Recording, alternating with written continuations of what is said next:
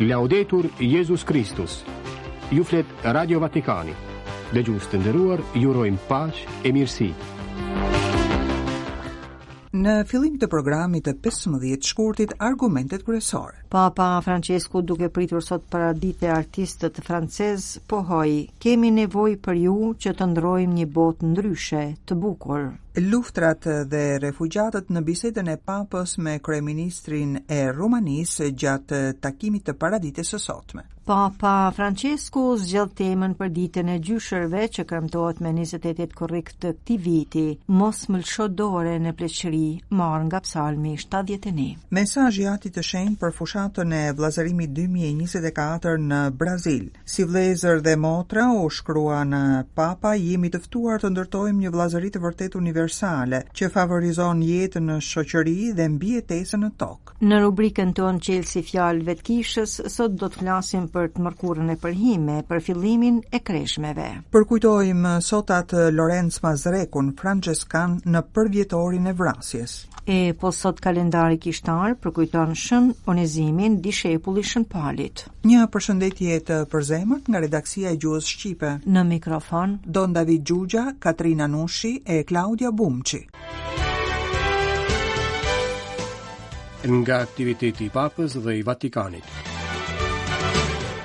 Diaconie de la Beauté, pra Diakonia e Bukurisë. Ky është emri i shoqatës themeluar në Francë në vitin dy mijë e dymbëdhjetë, të cilën Papa Françesku e priti sot në audiencë në Vatikan me rastin e simpoziumit që kremton në Romë dhjetëvjetorin e festivaleve promovuar çdo vit pikërisht prej saj. Ati i Shenjtë nënvizoi tiparet dhe rëndësinë e shoqatës, duke u kërkuar anëtarëve të jenë këngëtarë të harmonisë në mes të një njerëzimi që, i tronditur nga dhuna, duhet të ëndërrojë sërish një botë ndryshe, vërtet të bukur. Përmasa e parë e shërbimit që ofron shoqata është ajo shpirtërore, theksoi Papa, përmasë që të çon në meditim i cili na nxit ta jetojmë jetën të orientuar drejt plotësisë. La vostra vocazione è quella di aiutare gli artisti.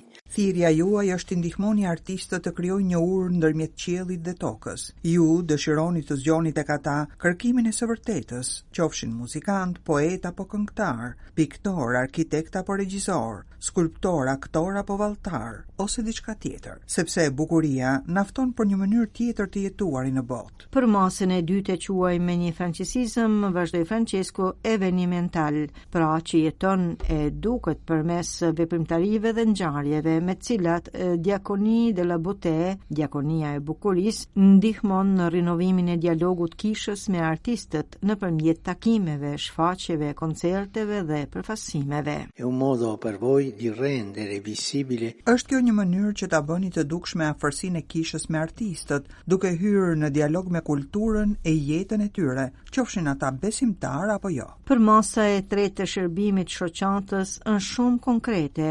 Papa Françesku e përkufizoi si rezidenciale. Është fjala për realizimin e shtëpive ku mund të priten artistët e t'u vlerësohet dinjiteti, pasi jeta e tyre shpesh karakterizohet nga vetmia, depresioni dhe vuajtja e brendshme. La vostra sfida è di far emergere la bellezza. Sfida juaj është të nxirrni në pah bukurinë që fshihet tek ai ose ajo artiste, në mënyrë që ai ose ajo të bëhet apostull i kësaj bukurie, që bën të lindë jeta, shpresa dhe etja për lumturi. Pastaj, Papa, duke pasur parasysh njerëzimin e sotëm në ankth për shkak të luftrave, dhunës e përçarjes, u bëri thirrje anëtarëve të shoqatës të jenë këngëtarë të harmonisë ndërmjet popujve, kulturave dhe feve. La nostra umanità è scossa da violenze di ogni sorta, dalle guerre, dalle crisi sociali. Njerëzimi është tronditur nga dhuna e të gjitha llojeve, nga luftrat, nga krizat shoqërore, Në këtë kuadër, kemi nevojë për burra dhe gra të afta për të na bërë të ëndërrojmë një botë ndryshe të bukur. Bëjini njerëzit të ëndërrojnë, në mënyrë që ata të aspirojnë një jetë në plotësi. Së fundi, Papa kujtoi se sot është e nevojshme të rikrijohet harmonia ndërmjet njeriut dhe ambientit, duke ndryshuar sjelljet, duke u vetëdijesuar më shumë se gjithçka është e ndërlidhur, duke cituar enciklikën Fratelli Tutti, Ati i Shenjtë theksoi. E l'arte è un mezzo molto potente per trasmettere il messaggio della bellezza della natura. Arti është mjet shumë i fuqishëm për të përcjellë mesazhin e bukurisë së natyrës. Në fakt, të kujdesemi për botën që na rrethon dhe na mbështet do të thotë të kujdesemi për veten. Por, duhet ta konsiderojmë veten si bashkësi, Si një ne që banon në shtëpinë e përbashkët, kultura e bukurisë, përfundoi Papa, na vë gjithnjë në lëvizje dhe na lejon të fillojmë sërish nga e para rrugën drejt shoqërive më njerëzore dhe më vëllazërore. Papa Françesku priti sot paradite në audiencë në Vatikan Ion Marcel Ciolacu, kryeministër i Rumanisë, i cili më pas u takua me kardinalin Pietro Parolin, sekretar i Shtetit të Vatikanit, shoqëruar nga imzot Paul Richard Gallagher, sekretar për marrëdhëniet me shtetet dhe organizatat ndërkombëtare. Pak më pak se gjysmë ore zgjati biseda gjatë audiencës së sotme ndërmjet Atit të Shenjtë Françesku e kryeministrit të Rumanisë, gjatë së cilës u prekën argumentet më të nxehta të momentit nga konfliktet e vazhdueshme në Evropë dhe Lindjen e Mesme, te migrimet, disa prej të cilave janë shkaktuar nga ata që ikin nga luftrat. Kështu njofton zyra e shtypit Vatikanit duke shtuar se si gjatë bisedimeve të përzemërta në Sekretarinë e Shtetit Vatikanit, vëmendja u përqendrua në përforcimin e mëtejshëm të marrëdhënieve ndërmjet Selisë së Shenjtë e Rumanisë dhe në mënyrat për konsolidimin e mëtejshëm të bashkëpunimit dypalësh në dobi të popullit rumun, veçanërisht në fushën e arsimit. Më pas u shqyrtuan edhe disa tema nga aktualiteti me interes të ndërsjellë, duke përfshirë konfliktin në Izrael e Palestinë dhe në Ukrainë, pritjen e emigrantëve dhe refugjatëve si dhe perspektivat për zgjerimin e projektit evropian. Dita e katërt botërore e gjyshërve dhe e të moshuarve do të kremtohet të dielën më 28 korrik 2024. Tema e zgjedhur nga Papa, e cila u bë e njohur sot, është Mos më lësho dore në pleqëri. e synon të nënvizojë se sa vetmia është për fat të keq shoqërues i hidhur në jetën e shumë të moshuarve, që shpesh janë viktima të kulturës së hedhurinave e të harresës. Kështu thuhet në një njoftim të Sallës së Shtypit të Vatikanit. Në këtë drejtim, prefekti i Dikasterit të Selisë së Shenjtë për Laikët, Familjen dhe Jetën, kardinali Kevin Farrell pohon. Unë jam thellësisht mirënjohës ndaj Atit të Shenjtë që e zgjodhi si temë të Ditës së Katërt Botërore të Gjyshërve dhe të të Moshuarve vargun e Psalmit shtatëdhjetë e një, Mos më lësho dore në pleqëri. Sepse, siç na kujton lutja e një të moshuari, vetmia është realitet fatkeqësisht i përhapur, i cili shpesh prek shumë të moshuar, viktima të kulturës së hedhurinave e të harresës, që konsiderohen barrë për shoqërinë. Përballë këtij realiteti, familjet dhe bashkësitë kishtare janë të thirrura të jenë në krye të promovimit të një kulture të afërsisë dhe të takimit, për të krijuar kështu hapësira për bashkëndarje, për dëgjim, për të ofruar mbështetje dhe dashuri. Kështu, e mishërojmë dashurinë ungjillore, nënvizon kardinali Farrell. Mesazhi i Papës Françesku dërguar ipeshkvijve të Brazilit me rastin e fushatës së Vllazërisë 2024 që filloi dje me 14 shkurt ditën e parë të kreshmeve me temë Vllazëria dhe miqësia sociale e me moton Të gjithë jeni vëllezër e motra, frymëzuar nga Ungjilli i Shën Mateut. Në mesazhin e tij, Papa Francesku i fton brazilianët të ndërtojnë një vëllazëri të vërtetë universale që favorizon jetën në shoqëri dhe mbijetesën në tokë, shtëpinë tonë të përbashkët. Në botë ka ende shumë hije dhe mbyllje në vetvete, pohon Papa. Prandaj ne duhet ta përhapim dashurinë për çdo qenie të gjallë, duke kapërcyer pengesat e gjeografisë dhe të hapësirës. Përballë hijeve të shumta në botë, siç është urrejtja, dhuna dhe shenjat e vetëmbylljes, sot më shumë se kurrë është e nevojshme dhe urgjente të ndërtohet vëllazëria e vërtetë universale, që favorizon e mbështet jetën tonë në shoqëri dhe mbi jetesën në tokë që është shtëpia jonë e përbashkët, pa humbur kurrë nga sytë qiellin, ku ati ynë qiellor na pret të gjithëve si bij dhe bijat e tij të dashur. Shkruan Papa në mesazhin e tij drejtuar të gjithë vëllezërve dhe motrave në Brazil me rastin e fushatës së vëllazërisë që sivjet kremton 60 vjetorin e themelimit. Fushata e Vëllazërisë është një rrugë që i propozohet çdo vit kishës braziliane dhe të gjithë njerëzve vullnetmirë të kombit brazilian në fillim të periudhës liturgjike të Kreshmeve. Udhë kthese që bashkon fenë dhe jetën, shpirtëroren dhe angazhimin vëllazëror, dashurinë për Zotin dhe dashurinë për të tjerët, veçanërisht për ata persona që janë më të brishtë dhe kanë më shumë nevojë për vëmendje, shkruan akoma Papa në mesazhin e tij. Papa Françesku shpreson që Kisha në Brazil të ketë fryte të mira në këtë udhëtim kreshmor që na përgatit për Pashkë e që edhe fushata e Vëllazërisë 2024 t'i ndihmojë përsëri njerëzit dhe bashkësitë e këtij kombi të dashur në procesin e kthimit të tyre në udhën e Zotit. në rrugëtimin e kthimit të tyre tek lajmi i mirë i Jezu Krishtit që është ungjilli, duke kapërcyer çdo ndarje, çdo indiferencë, çdo urrejtje e çdo dhunë. Shpresa, të cilat Papa Françesku në mesazhin e tij drejtuar brazilianëve, ia beson Virgjërës Mari të Aparecidës, duke u dërguar bekimin e tij apostolik të gjithë bijve dhe bijave të kombit të dashur brazilian, veçanërisht atyre që punojnë për vëllazërimin universal. Çelësi i fjalëve të kishës.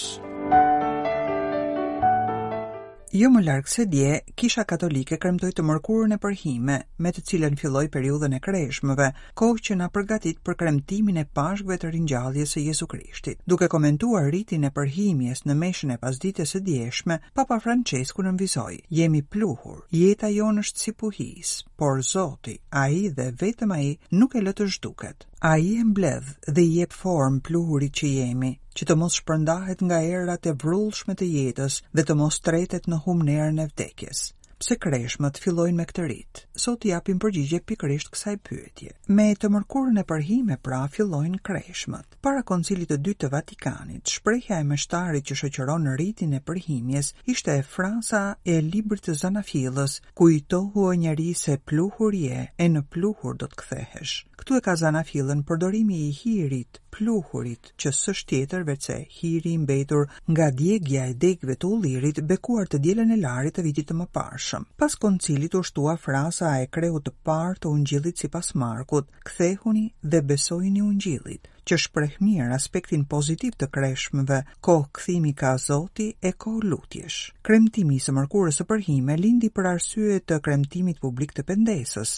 Me të vërtetë ishte riti që niste rrugëtimin e pendesës së besimtarëve, të cilët do të shfajësoheshin nga mëkatet paraditen e së enjtes së madhe. Nga pikëpamja liturgjike, hiri mund të përdoret në të gjitha kremtimet eukaristike të të mërkurave, por sipas liturgjistëve është e rëndësishme të caktohet një kremtim komunitar, si të thuash i privilegjuar, ku theksohet edhe më shumë përmasa kishtare e rrugës së konvertimit që po fillon. Ndërkaq agjërimi, karakteristikë i kreshmëve, por jo vetëm, është i rëndësishëm për të gjitha fetë. Muslimanët e praktikojnë gjatë muajit të Ramazanit, e hebrenjtë gjatë Kipurit. Teologjia biblike na thotë se përdorimi i hirit ka kuptim të dyfishtë. Para së gjithash, ai është shenjë e dobësisë dhe e brishtësisë së njeriut. Abrahami, duke iu drejtuar Zotit, thotë, Ja, unë po marr guxim të flas me Zotin tim, unë që jam hi e pluhur. Jobi, duke e pranuar kufizimin e thellë të ekzistencës së tij, me një ndjenjë përuljeje të skajshme pohon, në baltë më përplasi pa fare mëshire,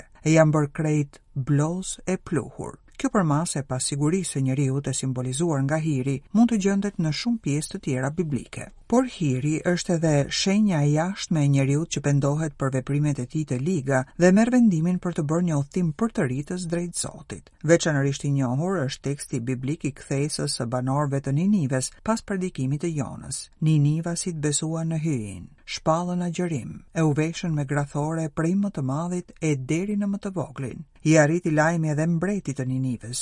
U çua nga froni i vet, i hoqi petkat e veta, u vesh me thes e u ul në pluhur, pra në hi. Edhe Judita i fton njerëzit të pendohen që Hyji të ndërhyjë për t'i çliruar. Çdo burrë izraelit, gra e fëmijë që banonin në Jeruzalem, ranë me fytyrë përdhe para tempullit, e përhinë kryet me hi dhe i shtrinë grathoret para tempullit të Zotit. Hiri pra është shprehi e brishtësisë së njeriut i cili bie gjithnjë në mëkat, ka nevojë të pendohet e t'i kërkojë falje Zotit për t'u kthyer sërish në udhën e përvijuar prej Tij për çdo njeri. Kreshmët janë pikërisht koha e përshtatshme për këtë kthesë.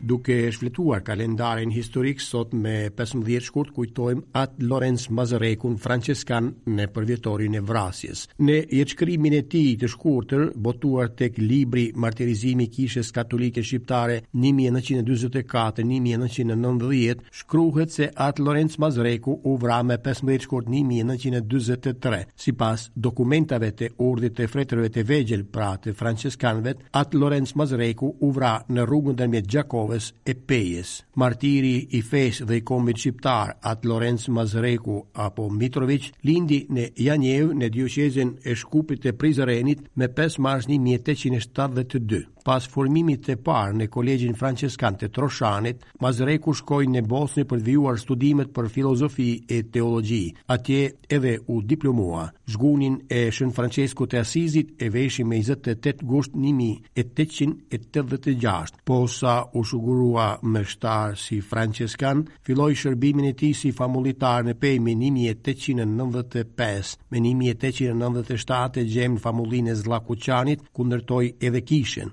Me 1902 ndërtoi kishën dhe selinë kishtare të Pejës. Pak kohë më vonë, At Lorenc Mazrekun e gjejmë në Shkodër, si i pari guardian shqiptar i Kuvendit të Gjuhadolit. Këtu punoi shumë për të kryer punimet e kishës françeskane të Gjuhadolit. Në vitin 1906 qe sekretar i françeskanit At Pal Dodaj, provincialit të parë të provincës françeskane shqiptare Zojës Nunciatë. Si sekretar i provincialit françeskan, At Lorenc Mazreku hartoi nekrologun e provincës françeskane Zoja Nunciatë. Me 1909 u zgjodh kustod i provincës dhe famullitar i Bajzës, ku themeloi urdhrin e tretë të Shën Françeskut të Asizit. Me 1920 shërbeu përsëri si famullitar në Pejë, ku me 1942 themeloi shoqninë antoniane për edukimin e rinisë. Aty e gjetën edhe gjermanët kur gjatë luftës së dytë botërore hynë në Pejë. Në sajë të ndërmjetësimit të tij në këtë periudhë shpëtuan nga djegia dy kisha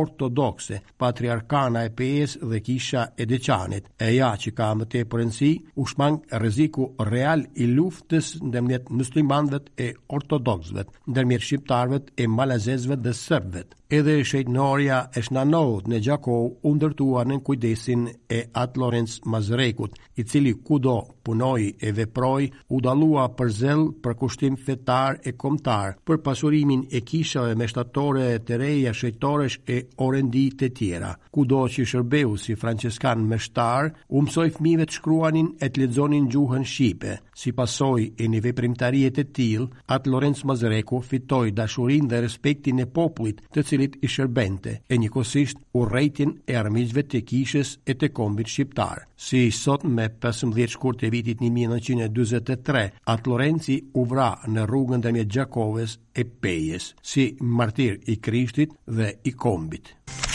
Sot, 15 shkurt, kalendari kishtar përkujton Shën Onezimin, dishepull i Shën Palit, ipeshkëv dhe martir. Lindi në Kolos, në Turqinë e sotme dhe vdiq në Romë në shekullin e parë, nën perandorin Dioklecian, u martirizua me gurë për fenë e tij në Krishtin. Onezimi ishte një skllav i ri që jetonte në Kolos, i cili, pasi kishte vjedhur zotërinë e tij Filemonin, u arratis në Romë. Onezimi është një shenjt që na shtyn të reflektojmë mbi disa realitete themelore të kristianizmit. E njohim nga letra e Shën Palit drejtuar Filomenit, letër shumë shpirtërore, e ngrohtë e njerëzore, përmes cilës del në pah shpirti i ëmbël e i njerëzishëm i Shën Palit, i cili shprehet plot dashuri për njeriun e vogël, që aso kohe nuk vlerësohej si njeri, por si send. E ne kujtojmë se Onezimi nuk ishte vetëm një skllav i ikur nga i zoti, njihet si pajtor i shërbëtorëve, por edhe hajdut. E pra, Shën Pali e quan vëlla, sepse krishterimi nga hajdut e bëri njeri të vërtetë, nga njeri, besnik të Krishtit e më pas ipeshkëv të Efesit dhe martir. U martirizua duke u mbytur me gurë në Romë, sepse nuk pranoi ta mohojë fenë e Krishtit. Dëgjuat Radio Vatikanin në gjuhën shqipe. Ju falënderojmë për vëmendjen tuaj e mirë u dëgjofshim nesër. Laudetur Jezus Kristus.